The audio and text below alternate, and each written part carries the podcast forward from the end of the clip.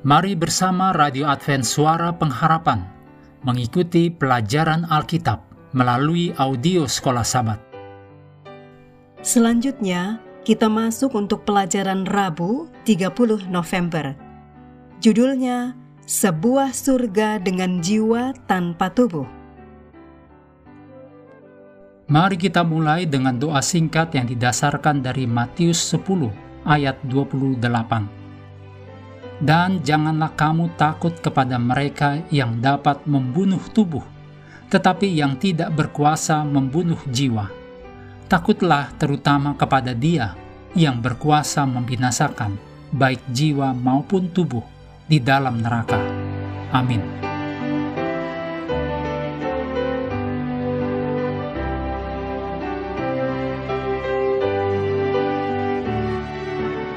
Meskipun Protestan tidak menerima api penyucian, namun banyak yang percaya bahwa jiwa orang benar yang telah meninggal sudah menikmati surga di hadirat Tuhan. Beberapa berpendapat bahwa jiwa itu hanyalah roh tanpa tubuh.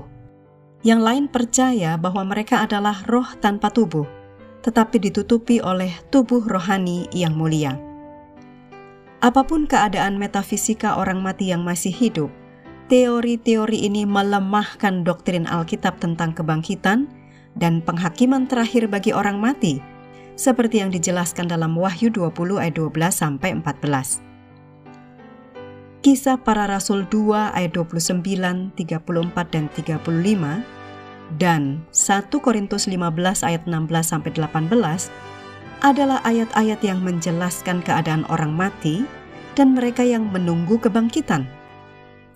Alkitab mengajarkan bahwa semua manusia yang berada di surga adalah yang pertama, mereka yang diubahkan hidup-hidup seperti dalam kasus Henok dicatat dalam Kejadian 5 ayat 24 dan Elia dalam 2 Raja-raja 2 ayat 9 sampai 11.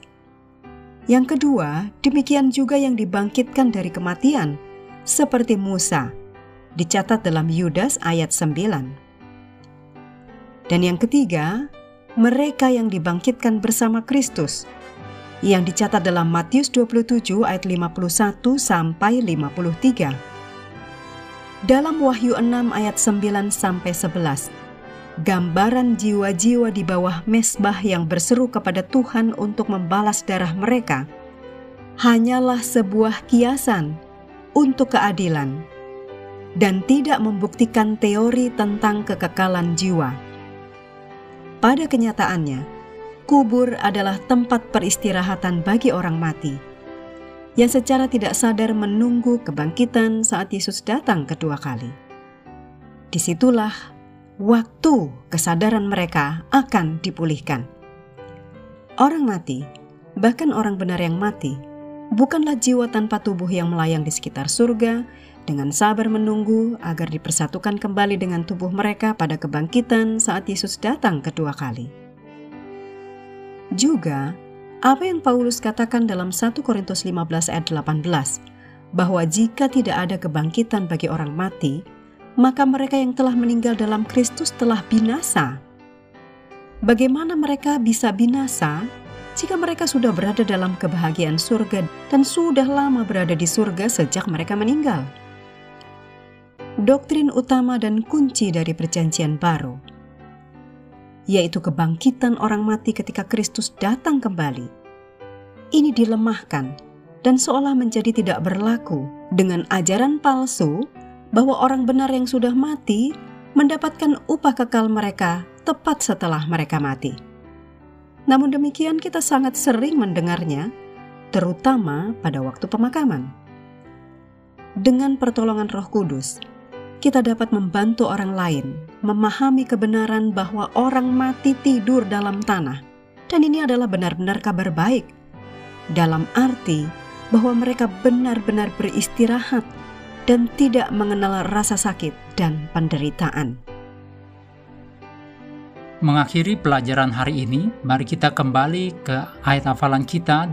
Ujilah segala sesuatu dan peganglah yang baik 1 Tesalonika 5 ayat 21. Hendaklah kita terus tekun mengambil waktu bersekutu dengan Tuhan setiap hari bersama dengan seluruh anggota keluarga, baik melalui renungan harian, pelajaran sekolah sahabat, juga bacaan Alkitab sedunia percayalah kepada nabi-nabinya, yang untuk hari ini melanjutkan dari dua Raja-Raja pasal 8. Tuhan memberkati kita semua.